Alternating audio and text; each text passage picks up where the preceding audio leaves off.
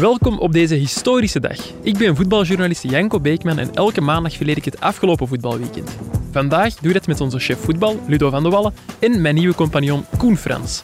Welkom bij de voetbalpodcast van het Nieuwsblad. Welkom bij Shotcast.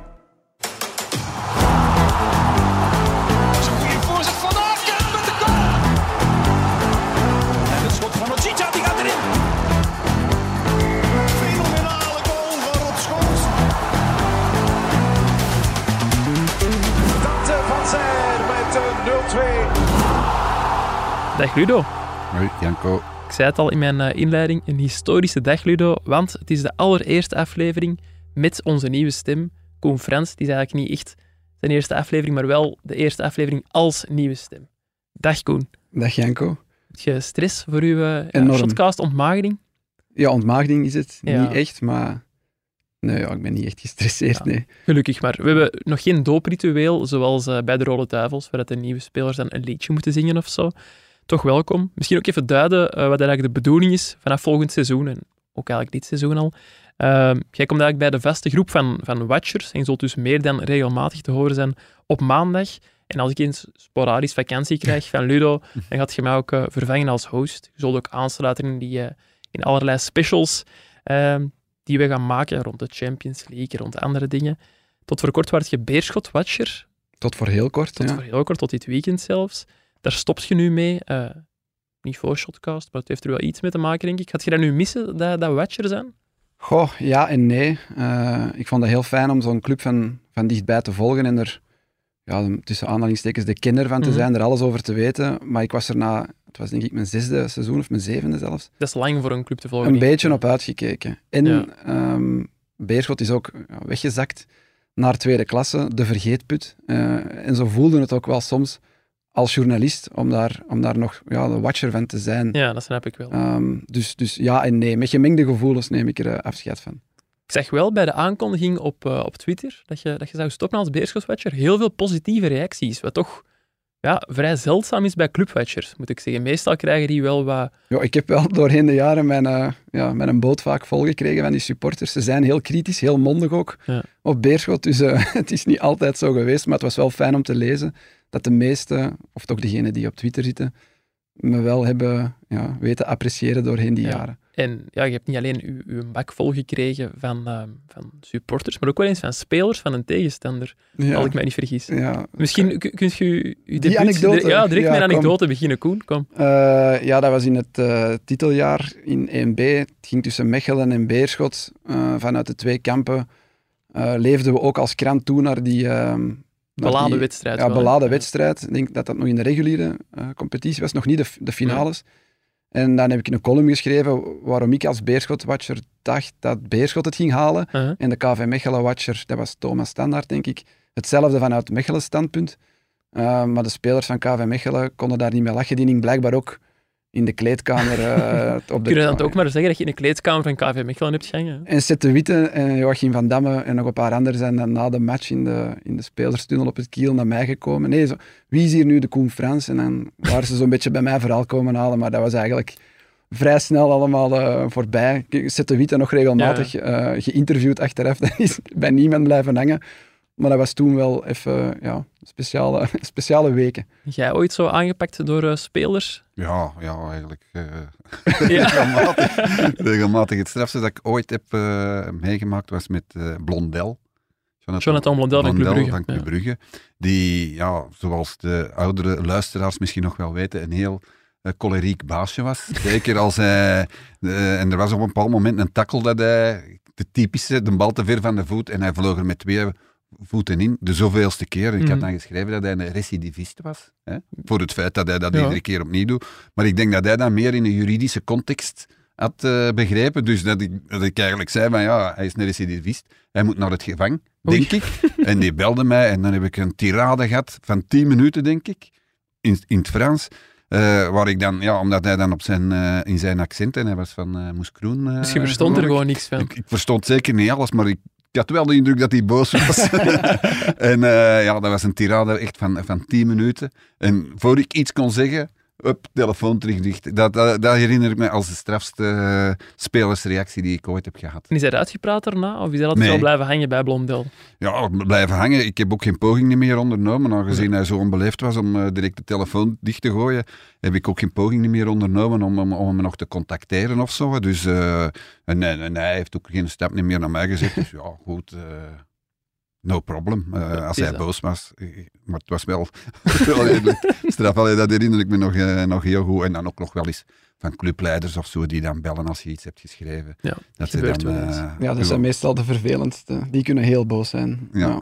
Maar mijn ervaring is wel, als je kritiek geeft, dat, is, dat, dat, dat gaat rap voorbij. De, een week of twee jaar later zijn ze dat vergeten. Als je iets hebt geschreven wat niet klopt, dat blijft veel langer. Ja, terecht ook wel. Ah, ja. ja, maar soms, soms kan je er niet aan doen, of is er een lapsus of zoiets. Hm. Maar dat blijft altijd wel heel lang hangen. Ja, oké.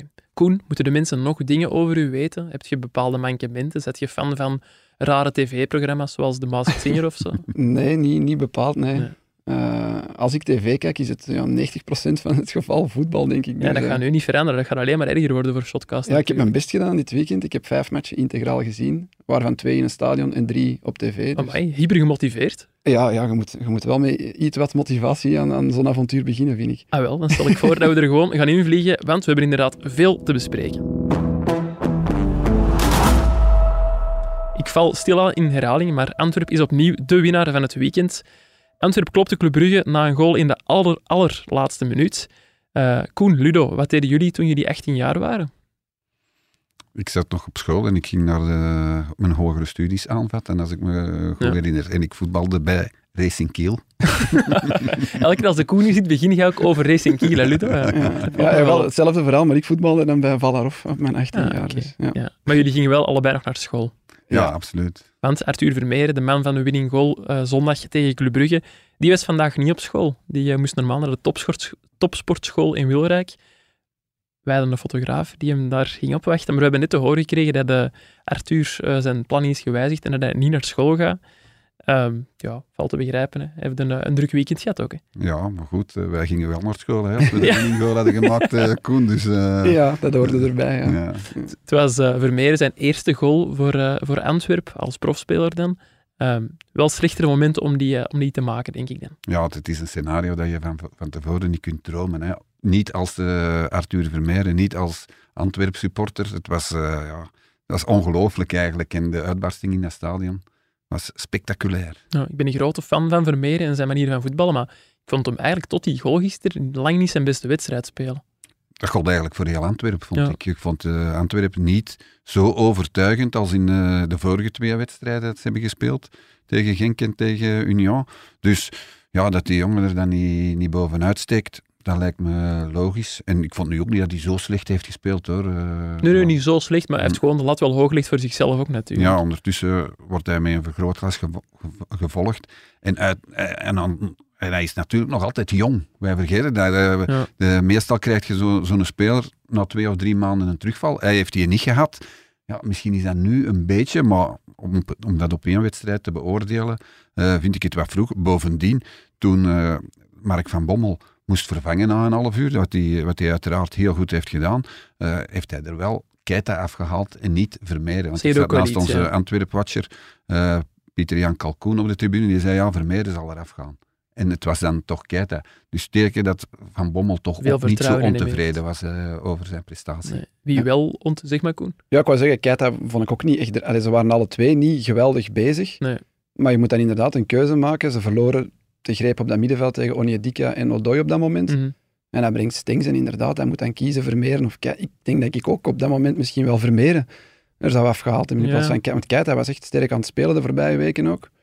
Maar ja, het loont. Hè. Als dan Ja, als je dan De- 3-2 wint, dan Ja, krijg je gelijk als trainer. de natuurlijk. invaller geeft de corner, dat is dan Stengs. En dan de andere die je laat staan scoort de winning goal. Ja, dan, dan krijg je inderdaad gelijk. Rick de Mil was wel echt niet tevreden over eh, de manier waarop die hoekskop werd weggegeven. Hè. was ook ja, nogal stom, dat doe helemaal niet gehoeven. Hè. Ja, dit is echt zo. Bij Club Brugge dit seizoen, ik weet niet wat dat is. Allee, zeker, de laatste, zeker de laatste maanden zo.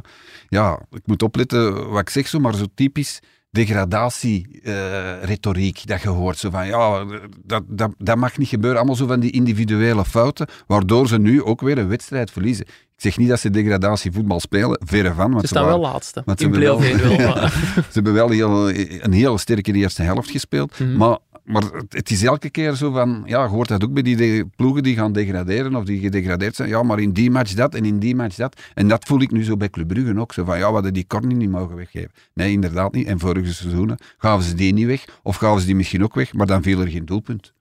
Dat heeft dan met onzekerheid te maken. En, en, Ja. ja. Ja, ja zo'n beetje dat het dat de verkeerde kant uitgaat, denk ik. eh. Ja. Ik vond eh, Mark van Bommel ook wel goed op zijn eh, persconferentie toen het ging over Arthur Vermeeren, na een vraag van collega Pieter Jan Kalkoen. Zei van, ja, eigenlijk mocht Vermeeren eigenlijk helemaal niet in de 16 staan. Zegt dat dan ook iets over zijn voetbalverstand, voetbalgevoel, dat hij er dan toch wil opduiken? Want ik ben eens gaan kijken naar alle vorige hoekschoppen van Antwerp in die match. En het is effectief hè, elke keer gewoon buiten de 16. Een ingeving van boven. Ja, of een je foutisme van voert, ik wil er nu toch eens staan. En Ja, natuurlijk, ja, het is minuut 97, maar Na die corner ging de match sowieso afgefloten worden. Dus misschien daarmee dat hij er dan wel is gaan staan. Ja, ja, Ja, hij heeft ook gezegd, als ik een doelpunt maak, is het altijd op deze manier. Afvallende bal en ik score. Heeft hij ook gezegd. een beetje geluk hebben ook soms. hè. Ja, ja het Noosa daar toch goed af en het trapt met links. Ik denk nog door de benen. Door de benen van ja. Denis Odoi, volgens mij. Ja, dus ja, dat is toch goed gedaan. Ja, hij zei ook dat hem wel wat geplaagd werd of gepest werd door de ploegmaat. Plotjes van antwoord gediend, moet ik zeggen. Eh, het is ook voor de tweede keer op rij dat Antwerp terugkeert uit een eh, achterstand. Vorige week tegen Racing Genk ook al. Moet zeggen, er zijn weinig ploegen waarbij ik zwart het gevoel heb van, als we op achterstand komen, het kan nog. Als Antwerp thuis speelt, heb je dat zeker zo hard, door, door dat publiek dat er ook achter staat. Eh Ludo, werd jij ook zo onder de indruk van een bosuil eh, gisteren? Ja, ik heb het eh, ook geschreven in de Ja. analyse van de wedstrijd. Ik was, het strafste wat ik ooit heb meegemaakt was in 2008, toen Standaard na 25 jaar kampioen werd tegen Anderlecht. In, de- niet in die barragematch, maar dat was het seizoen, seizoen daarvoor nog. En dat vond ik een hels lawaai. Dat had ik nog nooit gemaakt, meegemaakt in een Belgisch stadion. Maar wat ik gisteren hoorde bij die 3-2, en natuurlijk heel dat scenario, dat klopte natuurlijk Mhm. ook helemaal. Maar dat, dat, eh, dat ging toch die richting uit. En dan zijn ze niet, eens kamp- niet eens kampioen. Hè. Dus ik denk als die kampioen worden, dat dat wat gaat worden. Eh, Dat gaat echt spectaculair zijn tot en met als ze kampioen worden. Als, hè, want wij gaan niet mee in de waan van het dag, Ludo. Nee, zo zijn we niet. Hè. Ik was stiekem ook een heel klein beetje blij met de zege van Antwerpen, moet ik zeggen. eh, door mijn werk bij de krant. Want op de voetbalvergadering van vorige week was er afgesproken dat eh, drie redacteurs stelling zouden innemen en zouden zeggen van ja, deze ploeg wordt kampioen. Ik heb vrij voorgesteld dat het Antwerp zou worden dat de kampioen ging worden en dat die Club Brugge wel iets vlotjes over de knie gingen leggen. Zou natuurlijk wel pijnlijk geweest zijn als het dan eh, meteen mislukt was. Ik kreeg ook meteen een berichtje, eh denk de dag erna, van Frankie van der Elst. Die stuurde rustig blijven, Janko. dus die vond dat ik eh, iets te fors stelling innam. Trouwens ook nog, we hebben het er net al over Club Brugge gehad, maar ook nog een bloemetje voor hen, want ik had niet gedacht dat ze zo sterk zouden beginnen tegen Nee, nee. En al- al- ik als voetballiefhebber, als neutrale voetballiefhebber, was echt ja, bijna opgelucht. Dat Ja. Club Brugge er echt nog volledig voor ging. Want anders krijg je die verhalen van ja, ze gaan er niet meer voor. Antwerp krijgt de 6 op 6 cadeau. En wat er nu ook nog gebeurt, dat is in ieder geval niet zo geweest in, in, in, geweest in deze wedstrijd. Eh, Nee, allerminst. Daar is eh, Club Brugge er echt voor gegaan. En na de wedstrijd waren ze echt super teleurgesteld. Het was alsof ze een bekerfinale hadden verloren of zo. Dus het was toch wel eh, heel oprecht. En ik hoop dat het eh, komende zondag van hetzelfde is. Dat ook Club Brugge daar nog, eens- nog, zich, nog maar eens gaat opladen. Hoe moeilijk dat het ook is. En er nog eens vol voor gaat. Want dan zal het voor Antwerpen ook aangenamer zijn om op die eh, manier te winnen. En eventueel kampioen te worden. Ja, je zei teleurgesteld waren ze allemaal bij Club Brugge. Zeker Mats Rits.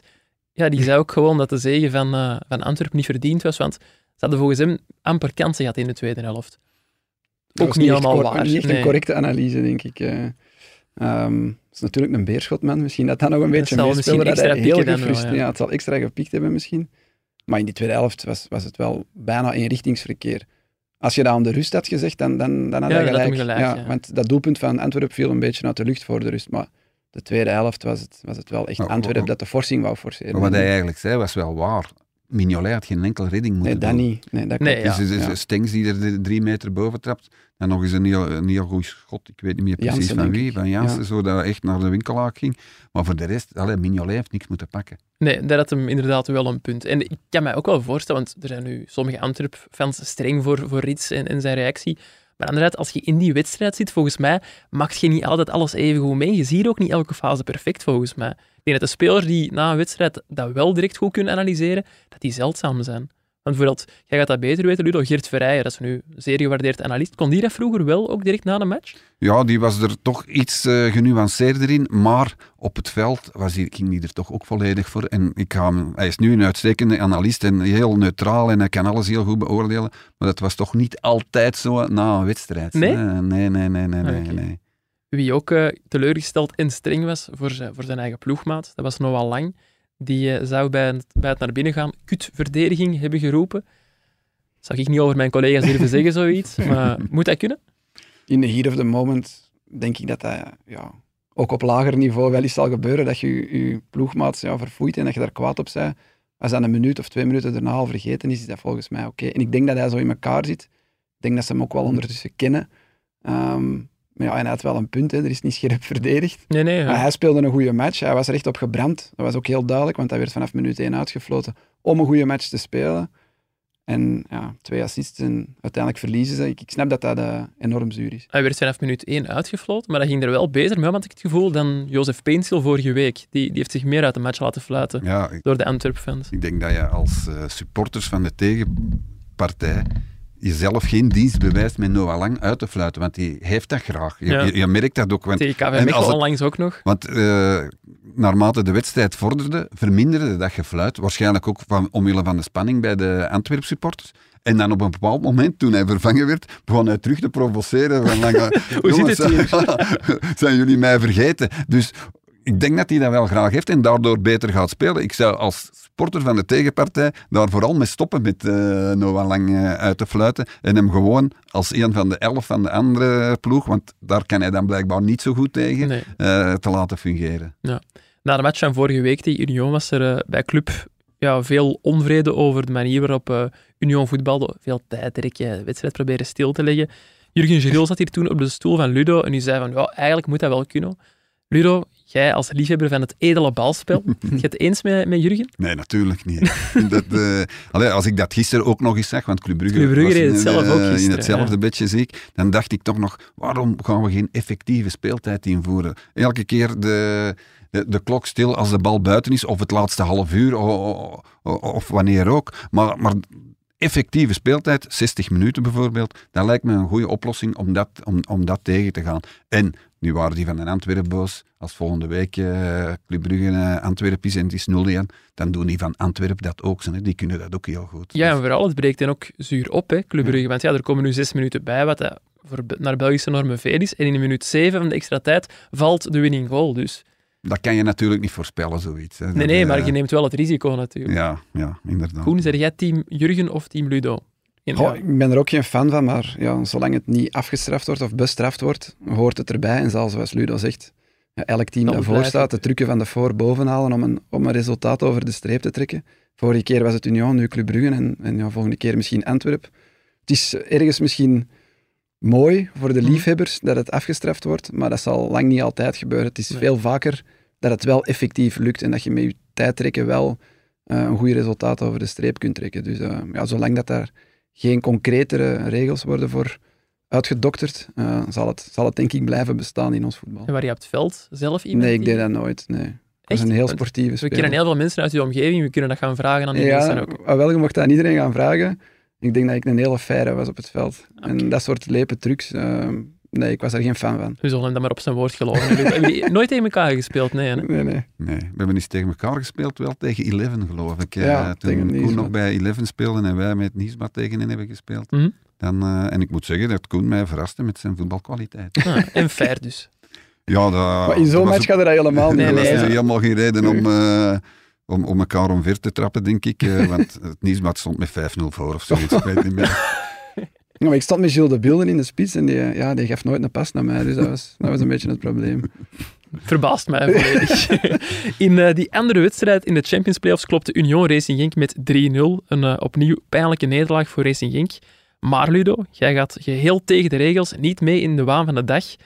Genk is niet uitgeteld in de titelstrijd. ik Oh, durf niet meer, eh Nee. Janko, echt waar. En alles wat ik daar moet over zeggen. Na het feit dat ze mijn naam af en toe eh, vragen in mijn laatste eh, jaren, is dat de vraag die mij het meeste is gesteld. De, de, de jongste weken van wie wordt er kampioen? Ik weet het echt niet. En Nee. ik, ik, ik kan er niet op antwoorden, ik wil er niet op antwoorden, ik wil er zelfs niet over nadenken. Oké, ik zal die vragen dan meteen uit mijn lijstje schrappen. Nee, Stel het aan Koen, eh, misschien. Ja, eh, uiteindelijk- waar, jij daar nieuw, een Koen, ja. diepgaand antwoord. Als je en, Ik zeg eh, tegen Club Brugge. Als op de volgende speeldag eh, de twee thuisploegen terug winnen, dan heeft deze dubbele confrontatie tussen beide ploegen eigenlijk Niks een muis opgeleverd. gebaard en niks Ja. opgeleverd. En, en ja, dan begint het weer van vooraf aan. Dus als Antwerpen en Union nu natuurlijk ook die terugmatchen winnen, ja, dan, dan wordt het denk ik een titelstrijd tussen die twee. Dan Mhm. zijn die andere, ja, Club Brugge is al uitgeteld, dan is Genk ook, denk ik, definitief ja, ja, uitgeteld. definitief Ja. uitgeteld. Ja. ja. Dus Ehm, na volgend weekend kunnen we mogelijk meer zeggen. Dat Dan kunnen kunnen we nu wel misschien nog een ploeg schrappen. Ja. Ehm, maar ik zeg het, als Club Brugge en Genk thuis winnen, dan, ja, dan ligt alles terug bij elkaar voor die drie bovenin. En dan is het daarna Antwerp-Union en dan eindigt het met Genk-Antwerp, denk ik. Ja. Dus dan zal het misschien tot op de allerlaatste speeldag eh, speelbaar blijven voor drie ploegen. Spannend, hè? Ja. Ehm, Natuurlijk, elke ploeg heeft wel eens een zwakkere dag in, eh, in zijn play-offs. Antwerpen heeft hij al gehad eigenlijk nu. Hè? Ja, misschien wel, maar misschien ook niet. Union heeft hij in ieder geval al gehad. Mhm, ja. Genk heeft hij nu Twee, twee keer op rij gehad. Maar dat kan ook keren, alhoewel dat ik denk dat nu net Genk qua mentale kracht, dat dat eigenlijk de minste van de drie is. En dat die dat nog kunnen omkeren, dat weet ik niet. Maar allee, zoals ik zeg, wat, ik ben nu weer een theorie aan het ontwikkelen. die ik er niet vast, hè, Ludo? Ja. Je schrapt, Lu- eh, je schrapt eh, Genk dus eigenlijk als titel. Nee, nee, absoluut niet. Wouter Franke, die had het eh, zondag over mannen tegen jongens in de eerste, eerste helft. Zijn jullie het daarmee eens? Ja? Ja. Was dat het probleem? Ja, dat was, ja, dat was het probleem. Eigenlijk al bij, die, bij dat eerste doelpunt. Eh, die Burgess troeft daar denk ik Questa en McKenzie af. Hij Mhm. loopt weg bij McKenzie en troeft dan Questa af. Nochtans ook redelijk goede koppers, stevige boys. Maar die gaven niet thuis in die duels. En dat was eigenlijk bijna heel de wedstrijd zo. Ja. Ehm, fysiek is, is Union echt indrukwekkend in zo'n wedstrijden. En, ja, en, en Franken had er dan tijdens de rust een twee jonkies af. Wat Mhm. ik wel begrijp, want ja, die gaan helemaal ten onder in zo'n Ja. match. Maar het heeft ook niet mogen baten. Ook in de tweede helft kon Genk bijna geen, geen kansen bij elkaar voetballen. Nog een kopbal, denk ik, van Munoz. Maar aan die, aan die overwinning van Union konden ze echt niks doen. Nee. Union heeft echt wel mannen met hoofdletters. Hè. Ja. Die hebben Burgess, die hebben Nieuwkoop, die hebben Van der Rijden, die hebben Teuma. Dat zijn allemaal kerels die... eh dat, dat moet je over de, eh, over de lijk gaan hè, om die mannen eh, te kunnen kloppen. Dus ja, dat is inderdaad... En dat heeft Genk eigenlijk niet. Heeft Genk te veel voetballers en te weinig Ja, krachtpatsers? ja die mannen die, die zijn ongelooflijk goed met de bal. Heel, heel goed om naar te kijken. Hè, want ja, ik heb het ook al een paar keer gezegd. Ik had ze echt wel die titel gegund. Mhm. Allee, ik gun ze ook nog altijd de titel, omwille van het mooie voetbal dat ze hebben gebracht. Maar nu blijkt het toch op money time dat het moeilijker wordt. Ja, en dan komen we altijd, ook bij Genk vallen we in herhaling, komen we altijd uit bij Paul Onuachu. hè. Ja. Had dat een verschil kunnen maken? Want het is ook maar één speler, maar kun je dan wel op een heel andere manier gaan voetballen? Inderdaad, en dan hebben ze op een bepaald moment een andere manier van voetballen. Plus ene, hij heeft maar een halve kans nodig en hij was binnen. Ja, Dus dat is ook heel belangrijk. Hè? en een kapstok, iemand die de bal kan bijhouden, dat je nu Ja. met Alisa Mata toch iets minder hebt. En dan wetende dat Onuachu al sinds eh, half februari op de bank zat bij Southampton. Nu, dit weekend nog eens heeft mogen spelen en heeft mogen meemaken hoe Southampton degradeert. Gedegradeerd is. Samen Heel met eh, pijnlijk, maar Romeo Lavia. Ik denk toch dat hij er niet veel zal mee inzitten, moet ik zeggen. Dat hij niet, geen spijt heeft van die transfer, want die wilde hij absoluut. Ja. Inderdaad. Langs de andere kant heeft Union ook in de winterstop zijn op dat moment topschutter verloren. Hè. Die zijn van Zijr kwijtgeraakt. En die lijken daar toch minder last van te hebben op een of andere manier. Ik denk dat Dante van Zijr misschien minder bepalend was in het spel van Union dan, dan Onuachu bij Genk ook Ja. wel. Maar die zijn wel twee spits. De zomer Oendaf en Ja, nu ja. Van Zijr. De rest van die ploeg blijft hetzelfde, maar ja, die vervangen die gewoon en die moeten bijna niet inboeten aan kwaliteit. Misschien zelfs in tegendeel. Gaan ze dat kunnen volhouden, denken jullie? Want ja, er dreigt opnieuw een, een, een soort leegloop bij Union. Deze zomer viel het eigenlijk nog mee. Komende zomer zou dat wel iets anders kunnen zijn. Siebe van der Rijden heeft dit weekend in de 45 vragen van Koen van Uitvangen nog gezegd dat hij open staat voor een transfer naar het buitenland. Teddy Teuma heeft al laten horen dat hij geen nee zegt tegen een nieuw avontuur. Durven jullie nu al zeggen dat Union volgend jaar niet opnieuw meedoet voor de titel? Nee, dat ga ik zeker niet zeggen. want dat heb- Hij durft het dit seizoen al niet zeggen. Dat hebben we vorig jaar al gezegd, dat, ze niet, dat, dat, dat, eh, dat veel minder zou zijn bij Union. Maar ze hebben daar een scouting systeem eh, dat gebaseerd is op het, eh, het goksysteem van, van, de, van de eigenaar van de club. Dat is die Tony Bloom. Ja. ja, dat is spectaculair. Hè? Dat zijn maar vier mensen die dat weten, hoe dat, dat werkt. Zoals Coca-Cola een beetje. Ja, ja. en niemand eh, voor de rest mag dat weten. En op een of andere manier slagen ze er toch altijd in om de juiste eh, eh, vervangers aan te trekken. Boniface bijvoorbeeld, Hmm. een speler zeg. En nu, ook nu in deze fase dat het belangrijk wordt, hè, want Boniface is toch zo ene die een beetje zijn wedstrijden uitkiest. Hmm. in Europa was hij altijd heel sterk, maar dan in de competitie was het veel minder. Nu gaat het er weer om. En zoals hij dan gisteren weer manifest aanwezig was, ja, dat is toch wel, eh, ook wel een troef voor Union. En ik wil maar zeggen, zo'n spelers die dan bij Bodo Glimt boven de poolcirkel speelt, eh, speelden, die, die, die vinden ze dan toch maar. Dus ja, ja chapeau. En daarom eh, ook daar geen voorspellingen meer wat Union betreft. Ja, zeven van die elf van Union die zaten er al in 1B. Dat is het derde jaar op Ja, rij ja. van de basisspelers. Hè. Er zijn er zeven die al van in 1B meegaan. Dus ja, de consistentie dat die, dat die op de, allee, voor de dag brengen met die ploeg, mannen die al in tweede klasse kampioen zijn gespeeld, dat is, dat is straf. hè. Die vervangen een paar pionnen. De spits gaat weg, eh, links Ja. en rechts gaat en de speler weg. Maar die drie achteraan, eh, de doelman, eh Lapoussin, uh, wat Thomas, zei die ik zitten er, Virton volgens mij. die en zitten er allemaal al sinds 1B en die hebben dit seizoen gewoon een kwartfinale Europa League gespeeld. Toen tweede jaar op rij mee voor de titel. Halve finale beker van België. Dat is bijna ongezien wat dat die mannen aan het doen zijn. En als er daar een paar van gaan vertrekken, en je zegt Thuma of Van der Heijden, Mhm. Dan zou het misschien wel een beetje uiteen kunnen vallen. Tenzij dat ze dan natuurlijk direct weer een nieuwe in de plek zetten die exact hetzelfde kan Ja. doen.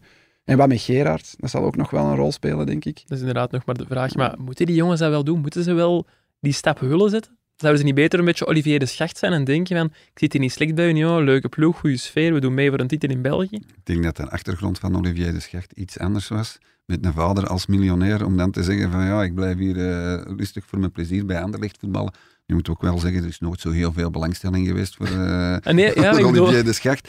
Nu, maar zo'n Teuma op zijn 28, 28 29 Ja, dat die, is. die gaan naar de 13, denk ik. Eh Siebe van der Rijden, 4, 25 misschien. Mhm. Ja, die denken natuurlijk ook aan de toekomst en, eh, en vooral aan meer geld verdienen. Hè. En dat blijkt bij Union niet te kunnen. Ja, er is echt wel een plafond. Er is echt een plafond ingesteld, dus die denken vooral daaraan, denk ik. Ik denk dat Siebe van der Heijden in eh, de League One, de derde klasse in Engeland, kan gaan voetballen bij Plymouth, ik zeg maar iets. En hij kan daar dubbel zoveel verdienen dat hij ook weg is. hè. Ja, Het gaat. Volgens mij gaat het om geld. Oké. Ehm, jullie zijn volgens mij allebei vrij technisch onderlegde voetballers, Ludo en Koen. Ja, dat mag je wel zeggen, ja. ik heb die nog nooit zien spelen, dus ik moet, ja, ik moet gokken. Maar ehm, wat vinden jullie van een voetballer als Christian Burgess? Zijn jullie daar fan van? Kunnen jullie Ja, daarvan genieten? Ik was wel blij als er zo in mijn ploeg eh, stond. Die eh, mijn corner dan kon binnenkoppen. Allee, hij moet, hij moet Nee, niet laten horen dat een goede corner is Ja, nee, maar dat zijn, wel, dat zijn wel spelers. Ik speelde daar niet graag tegen.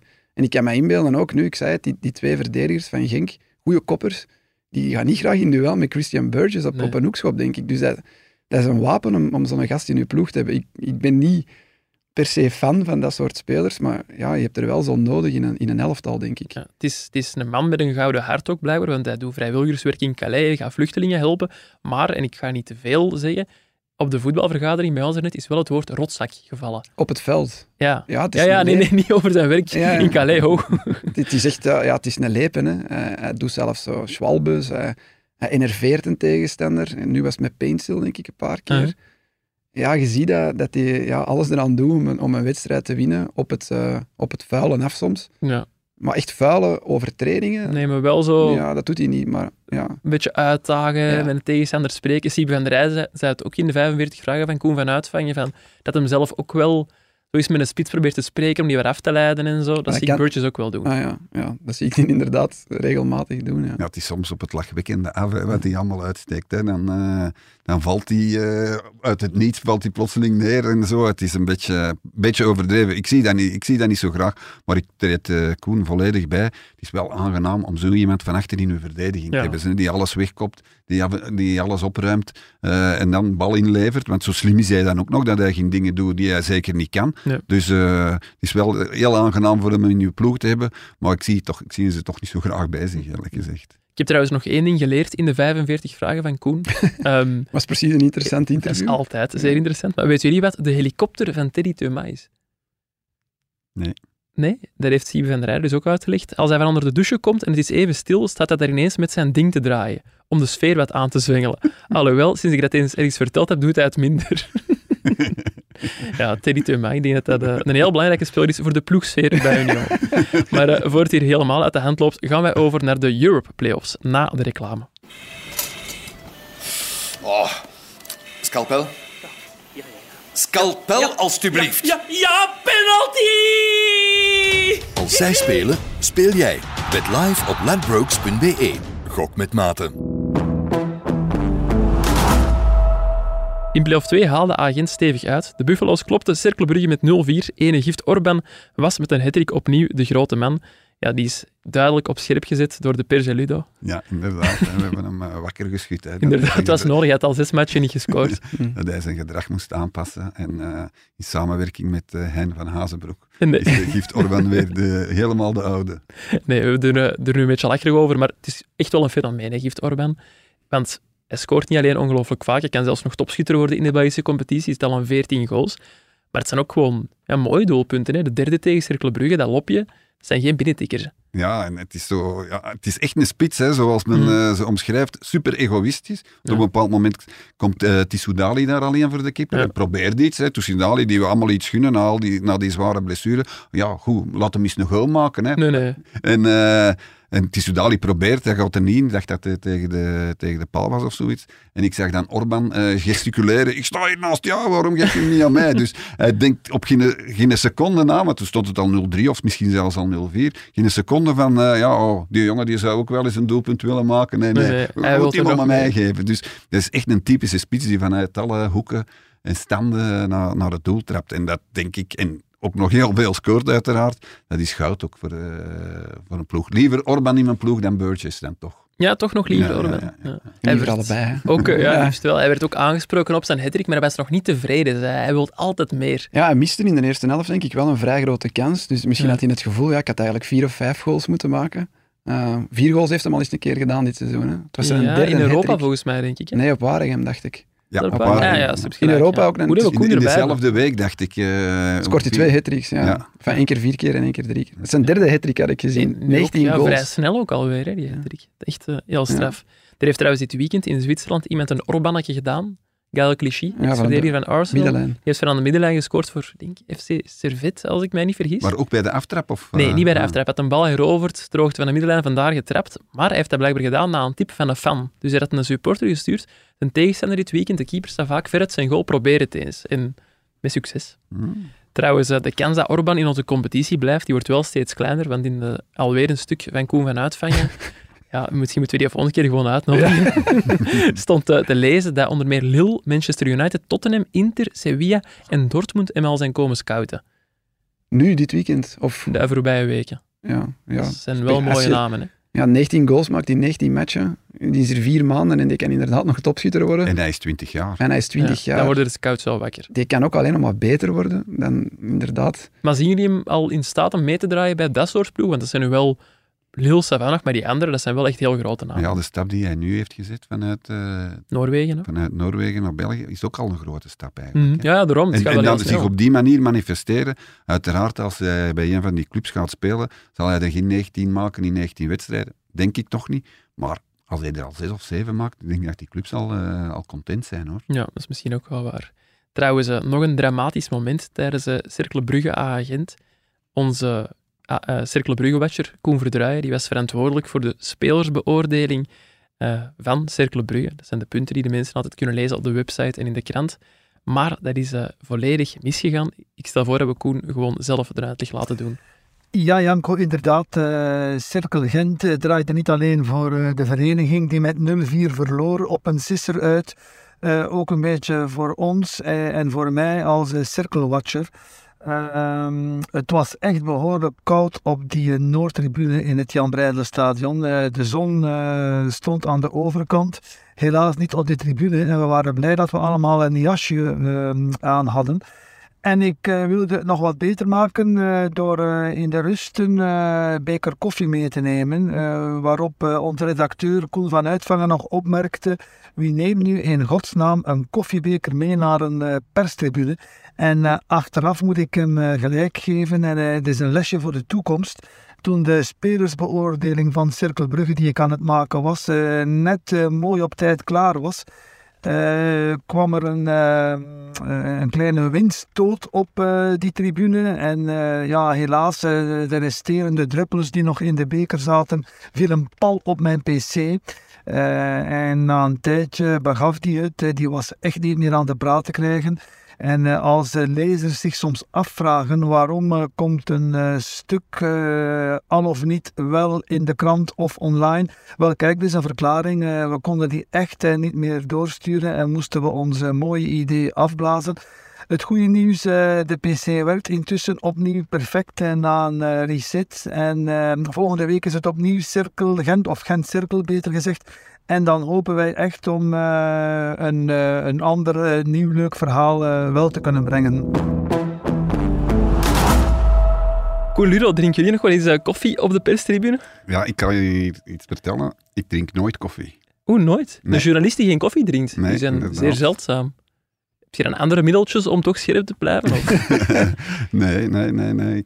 Net daarom, ik wil altijd scherp zijn. ah ja, ik eh, bedoel, er geen koffie voor nodig hebben. nee. Nee, dat begrijp ik zeker. Koen, jij wel? Ja, ik doe dat wel regelmatig. Ja, ik heb ook al soep gedronken op de perstribune, ehm, Ik heb maar wel nog nooit laten dit vallen. soort eh, Nee. accidenten meegemaakt. Maar hebben jullie wel al technische problemen gehad op de perstribune? Ja, eh, Janko, ik ga al eh, heel ver terug in eh, mijn journalistieke carrière. Want in het begin moesten wij gewoon onze teksten nog door telefoneren. Ja, via de telefoon lezen. En dan... eh, En dat was dan altijd dezelfde die je stuk moest uitschrijven. Aan de, aan- niet altijd dezelfde, Ah, nee. maar regelmatig. Eh, dan is er een moment gekomen dat we dus allemaal een computer kregen, dat heette de Tandy. Eh, dat kon je dan rechtstreeks doorsturen, maar altijd langs de telefoon, langs de vaste lijn. Ik spreek nu over de jaren eh, 1988, 1989. Toen was ik min 8. ja, Ja. Dus, en dan zijn er wel heel veel ongelukken gebeurd, want dan is er iets met die lijn dat niet Ja. ging. Eh, op een bepaald moment moesten we zelfs met die horen in zo twee doppen leggen. Die doppen die marcheren dan niet te veel, er mocht niet te veel eh, lawaai in de omgeving zijn. En ja, dat, zijn, eh, dat was stress tot en met. Ik weet niet hoeveel cafés, restaurants, eh, eh, lingeriezaken waar ik allemaal ben binnen geweest Ja. om toch nog als, alsnog, om alsnog te kunnen telefoneren en die tekst door te sturen. Want het was natuurlijk, je voelde het als een tekortkoming dat je dan toch moest naar de redactie bellen. Ja, sorry, ik kan niet doorsturen. tuurlijk, ja. Ik moet de tekst doorbellen, wat dan ook veel langer duurde natuurlijk. Dus eh, anekdotes legio. Ik heb lingeriezaken gehoord, Ludo. Zijn jij echt in een lingeriezaak je stuk gaan doorbellen? Ja, en ik dat zal is echt nog- een heel flauw excuus. En ik zal nog zeggen waar dat was. Dat was in Budapest in, eh Ah, in Hongarije. Ik wou net zeggen, Jurgen Geril gaat dat niet graag horen, want die zijn vrouw heeft ook een lingeriezaak. Ja, ja. Maar, eh, maar als is het in juist, Boedapest was, zal dat nog wel meevallen Hoe qua heet het nu weer? concurrentie. Het, Het, linnenkastje. ja. Het linnenkastje, ja. Voilà, die hebben weer een fragment om te delen op hun social media. Goed, jij al accidentjes meegemaakt of in lingeriezaken geweest voor het werk? Nee, dat soort dingen niet. Meestal zijn het wifi-problemen. Hè. Ja. Eh, in heel veel stadions in België is de wifi niet, of werkt de wifi niet naar Nee. behoren. Kleine aanklacht. En dan moet je een hotspot eh, aanmaken met je telefoon. En dan zitten er zoveel mensen op het mobiele netwerk in het stadion dat ook dat niet goed lukt. Mm. En dat zorgt, dat zorgt dan nu al bij de jongere generatie voor heel veel stress. En dan Omdat je je stuk niet doorgestuurd wil ik dat toch even hier onderstrepen. Dan vraag ik dat toch ook aan Union.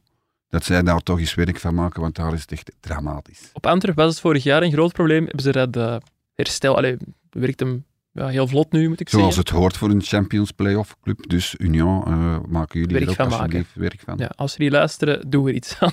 Ik heb één keer, op, eh, om maar te zeggen dat het ook wel bij heel grote clubs is misgaat, eh, op Milaan, op AC Milan, een stuk van mijn gsm moeten doorsturen.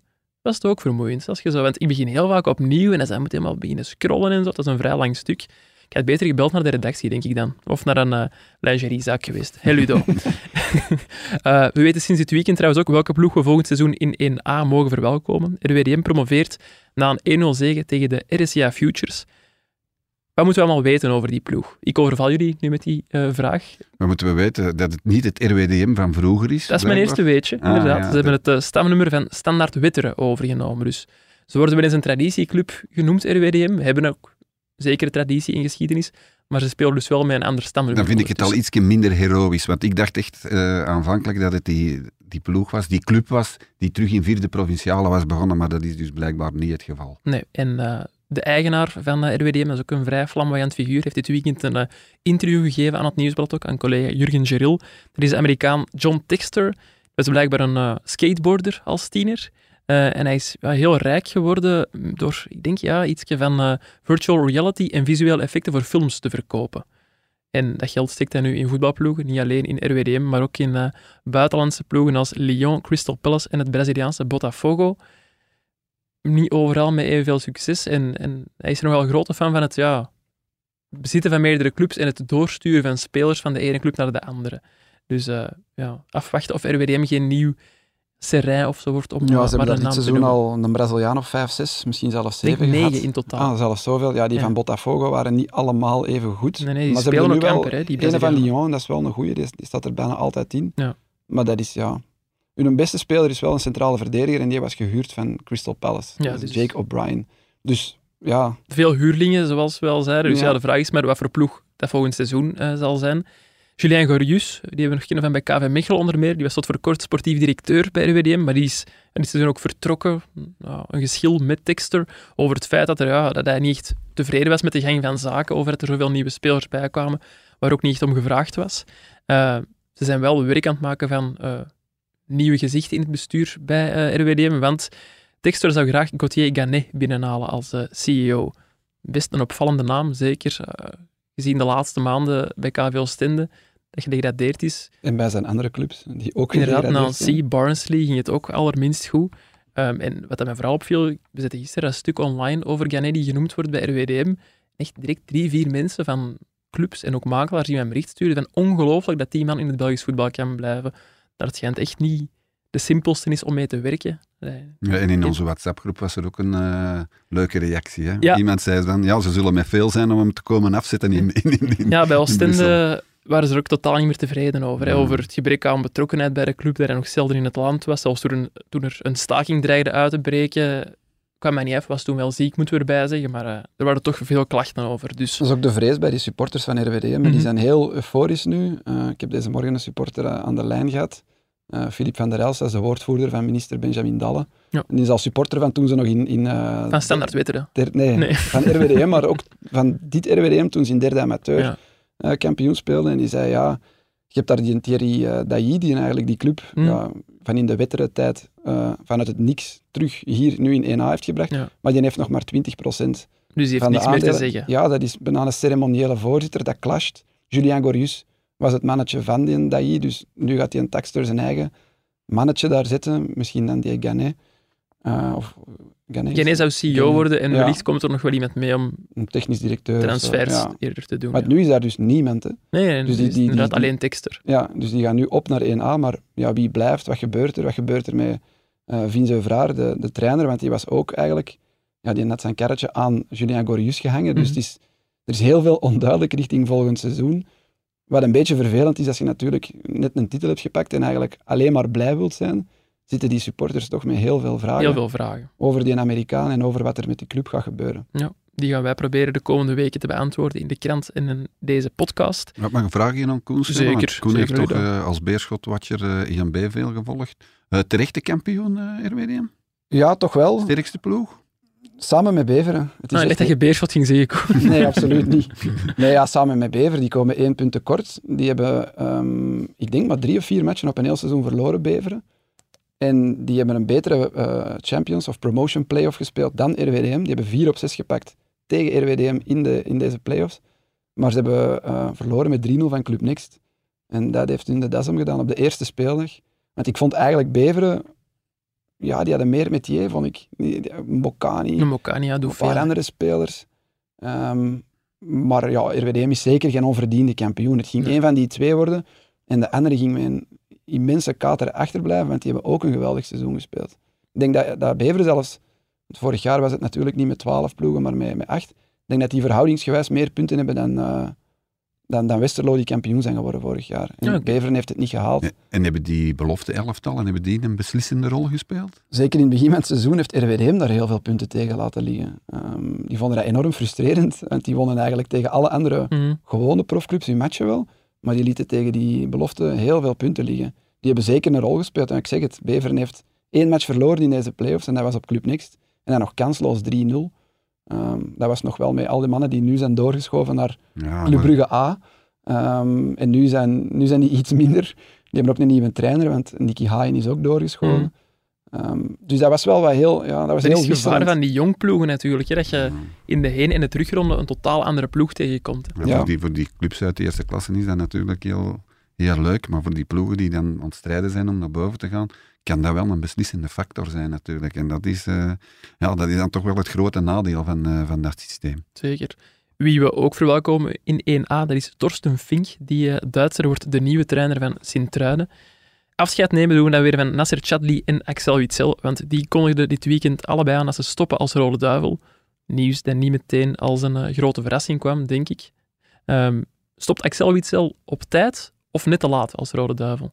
Ja, op tijd denk ik. Hè. Ik denk dat we veel respect moeten hebben voor wat Axel, Axel Witsel voor, eh, voor de Rode Duivels heeft betekend. Want Axel Witsel, ja, het, probleem is altijd, en dat is ook zo'n beetje met Nasser Chadli, vind ik, ja, de mensen onthouden vooral het, het, het einde eigenlijk. ja. Hè. Dat, dat was met, met Chadli ook, het EK in 2021, hè, dat hij erin komt.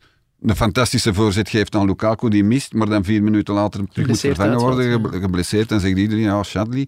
Eh, bij Witsel hetzelfde, hij heeft geen goede WK gespeeld. Eh, het omschakelingsvoetbal, het, eh, d- dat was niks voor hem. Daar kon hij niet meer mee mee. Maar niet vergeten dat Witsel een fantastisch WK 2018 heeft gespeeld. En er altijd stond, ook bijzonder Ja. weinig geblesseerd is geweest. En altijd in dienst van de ploeg, terwijl hij eigenlijk meer kon. Terwijl hij meer in zijn mars had, maar toch altijd in dienst van de ploeg heeft gespeeld. Dus eh, ik vind wel dat hij een groot afscheid verdient. Net als Eden Hazard, net als Mignolet, net als Alderwereld. Allee, ik ben eens benieuwd hoe de bond dat gaat aanpakken. eh, om die mannen op een gepaste manier uit te wuiven. Ook, uit te wuiven. ook eh, Nasser Chadli. Want Nasser Chadli, ik heb het nu vergeten na te kijken, maar heeft volgens mij ook al meer dan 50 interlands gespeeld. Ja, dat is toch allemaal niet niks, hè? Waar waren jullie bij de goal tegen Japan? Ja, Ludo, bij u moet je dat niet vragen. Jij zat in het stadion. inderdaad. Koen, waar waren jij? Eh, in een guesthouse in Vietnam. Oh. Ja, ik heb Origineel. Die, ik heb die match om drie uur s'nachts gezien, samen met de eigenaar van die guesthouse. En die had in Japan gewerkt en supporterde voor Japan. Oeh, En dat was met Vietnamese sterke drank. En ehm, dat maakt alles beter, denk ik. ja, ik, ik was wel... Ja, het was dan al voorbij vier uur s morgens toen het 2-0 stond. En ja, ik het een beetje had opgegeven en die man mij aan het jennen was. Dus ik heb daar uiteindelijk een half uur later nog op mijn knieën door in zijn living gegleden. omdat we nog hadden gewonnen en ik toch nog wel iets had gedronken. Ehm, de, twee, de, de match daarna was ik wel hier. Die heb ik op de KAI Tegen Brazilië. Tegen Brazilië. Maar die match heb ik nog eh, op reis gezien. Dat was vrij Ik heb de goal van. Chadli gemist. Ik was, aan het, allee, ik was aan het werken in een café. Eh, ik, was, ik werkte toen nog in een café als eh, jobstudent. En ja, de wedstrijd stond er wel op, maar net op het moment dat, eh dat Chadli de goal maakte, was ik een vat gaan vervangen in de kelder. Dus eh, ja, ik heb toen heel veel geroep gehoord, maar weinig eh, live doelpunten Ja, zo gezien. het einde van de match, dat is meestal niet zo interessant. Ja, nee, maar mensen hun Janko. bier is ook heel interessant, hè, Ludo. Ja, in zo'n café, ze wachten niet. Koen, jij hebt ook een podcast over het Spaans voetbal, Croqueta. We hadden hier nog niet vermeld, bij deze wel. Zo, Axel Witsel, die heeft ook een paar keer wel centraal achteraan gespeeld bij Atletico Madrid.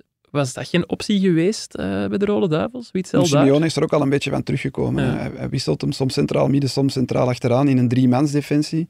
Ik, heb niet, of ik weet niet of dat, dat Tedesco dat altijd zal eh ja, toepassen. Ik denk dat hij als libero misschien nog wel een jaar of twee jaar had meegekund bij de Rode Duivels. Maar We moeten ooit die vernieuwing inzetten. ja, en ik denk dat hij wel zoiets had van... Ja, dan, dan ben ik niet meer op mijn best, of dat is niet mijn beste positie. Een nieuwtje van achter de schermen. Axel Witsel had het zelf voorgesteld aan Tedesco. Hè? Om, Ja? om centrale verdediger wilde te wel, spelen. dus, ja, ja. ja, ja, ja, ja. Hij had het zelf voorgesteld, maar Tedesco heeft dan blijkbaar in zijn selectie daar toch niet voor geopteerd. Tedesco speelde met vier achterin, denk ik, nu de ja, eerste maar- twee en- matchen. En, en waarschijnlijk Ja. ook gedacht van ja, ik hou wel vertongen. Dan eh, als Witsel, die dan niet op zijn, Nee, eigenlijk, tuurlijk, ja. eh, op zijn Hm. plaats speelt, dan zit ik weer met twee oudere spelers. Terwijl hij toch vooral die snelheid wilde. Hè. Ja, dat is hij wel echt kwijt. Hè. Het, wa- het was een heel, ehm, ja, hoe moet ik het zeggen, een mooie speler om naar te kijken. Hij heeft zich inderdaad weggecijferd voor de ploeg en op die zes eh, positie gaan, eh, Ja. gaan voetballen. Maar wendbaar en, en snel is hij eigenlijk nooit echt geweest. Om die dan naast Jan Vertongen in een viermans defensie centraal achterin te zetten. Zou niet het Ik meest denk dat dynamische duo zijn. nee, ik denk dat Tedesco gewoon eerlijk zal gezegd hebben, ja sorry Axel, dat, dat gaan we niet doen. En dan zal hij nog even getwijfeld hebben, ja misschien word ik nog opgeroepen als middenvelder. maar daar hebben we zoveel goede spelers, dat hij het zelf zal ingezien hebben dat het, dat het voorbij is. Ja, wat, geen schande is, hij is Nee, nee, 34 tuurlijk. denk ik. hè. En het gaat er ook om, ja, hij moet voor zijn vakantie vastleggen. Hij heeft ondertussen Hmm. twee kinderen, denk ik. Ja, wanneer moet ik nu mijn vakantie? Ga ik nu echt wachten totdat die Rode Duivels, eh, totdat die selectie De bekend tickets worden wordt duurder ook natuurlijk. Hè? Ja, zeker, zeker voor iemand als Ax- Axel Witsel, die arme jongen. Ja. We gaan eh, Axel Witsel laten genieten van zijn internationaal pensioen en wij gaan ondertussen over naar de wisselrubriek. En in onze wisselrubriek haal ik vandaag alweer een klassieker van onder het stof. Ik zie, ik zie wat jij niet ziet en het is Groningen-Ajax. Een wedstrijd die eigenlijk niemand echt gezien heeft. Eh, want die match werd dan na 10 minuten stopgezet nadat supporters van Groningen rookbommen op het veld hadden gegooid. Ja, ze hebben al een paar eh, maanden problemen met supporters in, eh, in Nederland. Ze vinden er ook niet een oplossing voor voorlopig. Gelukkig waren er ook mooie dingen te zien in Nederland. Voor de wedstrijd van Feyenoord tegen Go Ahead Eagles werd bijvoorbeeld echt een indrukwekkende tifo ontrold. Je bijna heel het stadion rond. Ik weet niet hoeveel eh, vierkante meter dat het juist waren, maar eh, de foto's waren echt indrukwekkend om eh, te zien. Was natuurlijk ook niet zomaar, want Feyenoord kon zich tegen Go Ahead tot kampioen kronen. Heeft dat ook gedaan met een 3-0 zege. Ludo, jij hebt dit weekend, denk ik nog, een stuk geschreven over de architect van het succes, Arne Slot, trainer van Feyenoord. En hij werd zelfs vergeleken met Pep Guardiola en Johan Cruijff. Dat wil wel iets zeggen.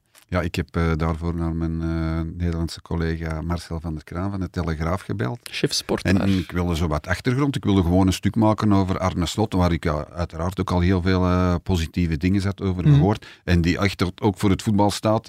Waar ik eigenlijk ook wel eh enorme fan van ben, is echt van Afbraak, durven, voetbal. come on, aan, aan, aan- aanvallen. En eh dus nooit met twee van achter, maar kom, we, we moeten doelpunten maken. Dus daar staat hij, maar ik wilde wat meer achtergrond. En het was Marcel van der Kraan zelf die eh, met de vergelijking van Johan Cruijff kwam. En, en krachttermen gebruikte, superlatieven, die, en dat, dat stopte niet. Hè. Het was het strafste wat hij ooit in 40 jaar had gezien, na Johan Cruijff enzovoort. Dus eh, heb ik ook eens een paar eh, wedstrijden bekeken en het is inderdaad wel eh, spectaculair. Ja, was het zo? En hè? hij heeft de groot, het grote compliment gekregen van, van Mourinho dat hij te veel naar Manchester City kijkt en te weinig naar zijn ploeg. Dus als Mourinho dat zegt, dan, dan, zet dan zet je goed bezig, denk ik. Want ik heb vorige week donderdag dan naar Roma Leverkusen gekeken.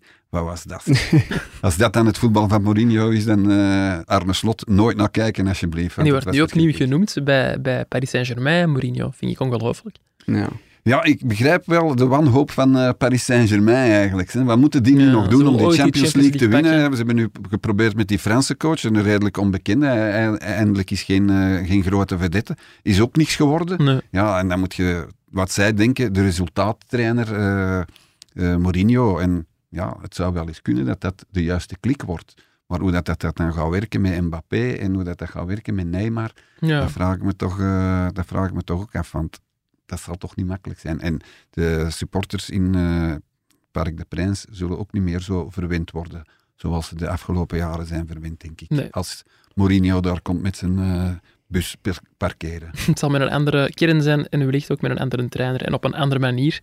Gaan we zeker in de gaten houden en ondertussen gaan wij over naar de afsluiter. Koen, Ludo, wat gaan jullie nog doen deze week? Ja, ik kijk enorm uit naar eh, Manchester City, Real Madrid. Allee, daar, eh, daar kijk ik enorm naar uit en ik duim. eh dan mag je gerust weten dat Manchester City de finale haalt. Omdat dat ook Pep Guardiola is, ook het voetbal is dat Ja. ik graag zie. Dus eh, dat zou ik nu toch wel eens graag hebben. En dat dat ook dat gezeur van, ja, Pep Guardiola kan alleen maar de Champions League winnen als Messi in de ploeg staat. Dat dat ook eens ophoudt. Dat de Bruyne zijn trofee, die hij ook dubbel en dik verdient, is wint. Zodanig dat hij mee kan dingen naar de gouden bal. Dat zou ik eigenlijk, eh, daarom wil ik eigenlijk echt wel dat Manchester City eh, het wint. Als het Real Madrid is, zo so be it. Ook blij, want dan staat Courtois en dan zal hij ook weer de Champions League winnen. Ik heb de indruk dat de winnaar van City, Real, maar ik zal dit zeker niet de enige zijn, dat Nee. hij ook de Champions League zal winnen. Daar zit iets in. Koen, ik denk dat jij ook niet voor Real Madrid gaat supporteren. Ja, ook niet tegen. Nee, ah. Eh, maar ik zal ook blij zijn als, als Guardiola het haalt, maar dan wel overtuigend. Gewoon 3-0, betere ploeg. Ja. Real Madrid weggespeeld. Het moet niet op een diefje zijn of lelijk. Maar dat, ik denk, als Manchester City wint, zal het ook niet lelijk zijn. Kans lijkt me klein. Eh, als Real Madrid wint, dan kan het wel eens lelijk of, of cynisch of opportunistisch zijn. Eh, maar ja, ik kijk er ook enorm, enorm hard naar uit. We gaan ook wachten op die eh, wedstrijd, of op de uitslag van die wedstrijd, om de kampioenenspecial van Croquetta op te nemen. Nu Ah, Barça ja. kampioen is geworden. Maar we willen er toch ook Real Madrid in steken. Dus ja, van mij mogen ze ook doorgaan. Hè. Ik, ik ben absoluut niet anti-Real, omdat ik pro-Barça ben. Ehm, maar ja, ik kijk uit naar die match en Ja. naar de croqueta special die we dan gaan opnemen. Oké, en voor de rest nog wilde plannen? Eh, niet bepaald, nee. Nee. Dus, het seizoen van Beerschot is gedaan, dus volgend weekend kan ik eh ja, rustig Opnieuw een paar 1A matchen kijken, kijken. eigenlijk. Ja, voilà. Ja. Ideaal. Ja, natuurlijk, dit weekend is het ook nog wel heel interessant. Hè, in de Het zou wel zijn. Het zijn wel dezelfde matchen opnieuw eigenlijk gewoon, maar we gaan er toch weer die vraag van, ja, Club Ja. Brugge, gaan ze zich nog eens kunnen opladen? Gaan ze nog eens eh, zo'n goede wedstrijd kunnen spelen als tegen Antwerpen? Gaat de laptop van Koen Verdraaien werken? Ja. Dat is toch wel Ik, de eh, vraag. Dat is een cliffhanger. Mm. Ik moet deze week nog langs bij een aantal ploegen, want eh, vandaag begint de stemming voor de Pro League Awards. Dat is eigenlijk de vervanger voor het gala van de profvoetballer van het jaar. Wij met het Nieuwsblad zijn daar mediapartner van, van dat gala. En wij ja, maken daar dus ook allerlei content rond die de mensen de komende weken zullen kunnen lezen in de krant, in de app, op de website of kunnen horen in Shotcast. Ik ben vorige week ook al bij de vrouw van Anderlecht eh, langs geweest. Die vierde dit weekend trouwens hun titel na een eh, 5-0 zege tegen Agent. Ehm ik heb vrijdag een filmpje opgenomen met Laura De Loze, Sarah Wijnands en Charlotte Tisson. En echt super tof om te doen, omdat ik weet niet hoe dat bij jullie zit, maar als je bij mannelijke voetballers langs moet gaan voor een interview, niet altijd, maar ik heb soms wel het gevoel dat dat zo tegen hun goesting is en oh, alweer een interview en oh, moet hij echt? En ja, die waren super spontaan, super meewerkend. En het was echt iets leuk om te doen. Ik heb er zelfs ja, zin van gekregen om de vrouwencompetitie van nog dichterbij te volgen, omdat je zoiets hebt van, ja, die zitten er op een vrijdagavond nog te trainen, na hun werkdag voor sommigen, of na hun dag naar het school gaan, en dan toch nog met die glimlach zoiets doen. Dat ja, verdient een bloemetje, vind ik. En ik zeg het echt niet alleen omdat er een paar van naar Shotcast luisteren. Nee, nee. maar het is zo, Janko, als je bij die mensen kunt gaan en het is wat spontaan. Ik denk dat dat tegenwoordig bij die profvoetballers zo er is ingeslopen, dat dat Mm. ook een houding is zo van, ten opzichte van hun ploegmaat, zo van ja, het interesseert me eigenlijk niet om een interview te geven. Nee, nee. Ik denk dat dat echt zo een gedrag is en dat, ja, dat, dat, dat misstaat natuurlijk helemaal, hè, want eh, het helpt hen, het helpt ons, het helpt eigenlijk iedereen, het helpt vooral die supporters, hè, die ook wel eens willen horen, maar dan ze zo verveeld staan te doen en, eh, en, en te poseren. Ik vind dat ook eh, heel verwerpelijk. Bij de mannen is dat op een lager niveau wel nog iets. Ja, Ja, jij als Beerschot-watcher kunt dat ja. wel zeggen, Zo'n natuurlijk. Frederik Frans, die nam dit weekend afscheid, die vindt dat eigenlijk geweldig dat hij dan een groot stuk krijgt Ja. in die krant. Ehm, bij, bij RWDM zitten er twee Antwerpenaars in de, in de selectie, eh Chalouk en El Wahdi, en die interview ik ook deze week. Die vinden dat ook, die, die gaan de tijd pakken om bij elkaar af te spreken. En Mhm, dat is leuk. hè, Die dat- vinden dat leuk, om, om, omdat die niet, zoals een Noah Lang bijvoorbeeld, ja, elke, elke dag in de gazet staan. Ja, maar je hebt die zijn nog- dat beu. Ja. Het is nog niet alleen Noah Lang. Hè. We hebben over laatst een speler van eh, Kortrijk willen interviewen die eh, na zoveel jaar in de eerste klasse afscheid neemt van het, van, van het voetbal. Die dus ja, gefeteerd wordt. Hè, want dat, was- dat gaat geen interview zijn van ja, je hebt die match slecht gespeeld of je, hebt- je hebt dat gedaan. En die had geen tijd. Die had een hele week en dus het seizoen was gedaan. Hij had zo gezegd geen tijd. Dan denk ik, ja jong, hey. Maar was het die speler of de perschef? Die, ja. Nee, nee, het was een speler. Het was een speler. De Ja, en dat klinkt nu eh, alsof wij zoiets hebben van, oh, we kunnen ons werk niet doen. Maar het is ook wel voor de, de fans, voor Ja. de, de lezers, die misschien hun idolen, Ja. hun, hun ploegen eens op een andere manier willen Het is zien. zo, Janko, als wij die speler niet kunnen interviewen, dan doen wij iets anders. Hè. So what? Eh, we, we, we zullen ons werk wel hebben, maar, maar, maar voor, voor die fans die dan toch eens... En ook voor die speler, vind ik. Al, het is wat Koen zegt. Zo'n Frederik Frans, die is blij van, oh ja, dit is nu echt het orgelpunt van mijn carrière. Hè. Maar hij... geen- Geïnterviewd worden door Koen Frans. Zo heeft hem dat ook Nee, gezegd. nee, hè. maar toch, toch- allee, toch twee pagina's in, eh in gezet. Ja, in tuurlijk, Antwerpen. ja, dat nee, is nee. toch allee, ja, tof. Eh, eh, veel respect, veel waardering van iedereen. En die, hij heeft geen tijd. Ja, jongens. Ik heb er zoveel nooit niet gekregen, in Gazet van Antwerpen. En als ik dan toch nog een beetje reclame mag maken, deze week komt normaal gezien eh, mijn interview met een Juan Lozano in eh, de krant. Eh, naar aanleiding van de 40ste verjaardag van de UEFA Cup winst van Anderlecht tegen Benfica, waarin Lozano de winning goal maakte. Ja, die- dat is nu een interview waar ik fier op was. Ik die dat lang proberen te strikken, het is gelukt. En het ligt al een tijdje klaar. Ik heb me wel laten vertellen dat Frank Raas eigenlijk alle vragen had gesteld. Heeft Frank Raas u dat verteld? ja, dat is helemaal waar. Ah ja, oké. Ik ga Frank Raas toch niet tegenspreken. Hè? Goed. Juan Lozano, een van de grootste eh, voetballers op de Belgische velden aller tijden. Hè. Niet vergeten. En voor de jonge luisteraars, dat is het interview, dan weet je er meer over. Een vat vol goede anekdotes ook van Ja, Lozano. absoluut. Zeg, maar nog over die Pro, League Ja? Awards. Wie denken jullie dat er... eh, Gaan wij ook al een gokje... player, ja, ik dacht dat jij geen, eh, season eh, dat jij geen worden? gokjes meer deed, Ludo. Ja, maar zoiets. eh, daar zie ik nu nog redelijk klaar. Eh, maar ik, ja, ik vraag mijn eigen af. Als ik zou mogen stemmen, want dat moeten we er misschien bij zeggen, het zijn de spelers zelf die stemmen. eh, Ik zou Toby Alderweireld stemmen. Ja, ik wou ook eigenlijk Toby Alderweireld denk- Zeker als ze de dubbel pakken. Dan, Want, en, en, maar ja, dat is nu weer zo'n tegenreactie. Maar de meeste mensen gaan volgens mij stemmen voor Mike Tresor, omdat hij ja, ongelooflijke statistieken heeft. Maar Alderweireld is volgens mij nog doorslaggevender geweest voor het succes van Antwerpen. Denk jij echt dat de meeste mensen voor Mike Trezor gaan stemmen? Het is zijn de pas op, spelers die stemmen. Ja, allee, ja, het is Ja. heel belangrijk zijn de spelers die stemmen. Wij hebben er niks mee te maken, de journalisten hebben er niks mee te maken. Maar er moet nu gestemd worden. Hè. Vandaag Ja, beginnen ze te Vandaag, stemmen. deze week. Dus dan heb je toch wel zo'n beetje die... ja, dit weekend Ja. speelt ook wel. dat, dat, dat, dat speelt toch ook wel altijd mee. En Ja, als, Arthur Vermeer dat met alle stemmen gaat lopen. nee, maar ik denk ook eh, dat het Toby Alderweireld zal worden. Hij gedraagt zich eh, als prof eh, volledig geïntegreerd in het Belgische voetbal. Passioneel. Eh, Ook Nee, geen ruziemaker. Nee, alle tegenstanders gaan die wel enorm respecteren. Ja. denk ik. mhm. Omwille van ja, hoe goed hij kan voetballen en ook wie hij is, hoe hij zich Ja. gedraagt. Voorbeeldige aanvoerder, denk ik. Een Antwerpenaar. Streepje voor dan, hè. Streepje voor. Dus hierbij roepen wij Toby Ja. Alderweireld uit als, moet er niet meer eh, gestemd worden. Het failliet van de Pro League als, Awards. als favoriet. Eh, Koen, heb jij een beetje genoten van uw debuut? Ja, het was heel fijn. Merci. Ja, we gaan nog moeten terugkomen, hè, want ja, we zijn nu Ik heb ervan aangekondigd gehoord, als eh, nieuwe stem. Dus eh, wij hebben er ook van genoten, hè, Ludo. Ja, het was eh, heel goed. eh. Goed, dan zijn wij helemaal rond voor vandaag. We zijn weer helemaal mee. Merci Ludo en Koen. Merci aan cameraman Seba en Elisabeth voor de montage. En merci aan de mensen om te luisteren. Geniet nog na van het afgelopen weekend en tot maandag.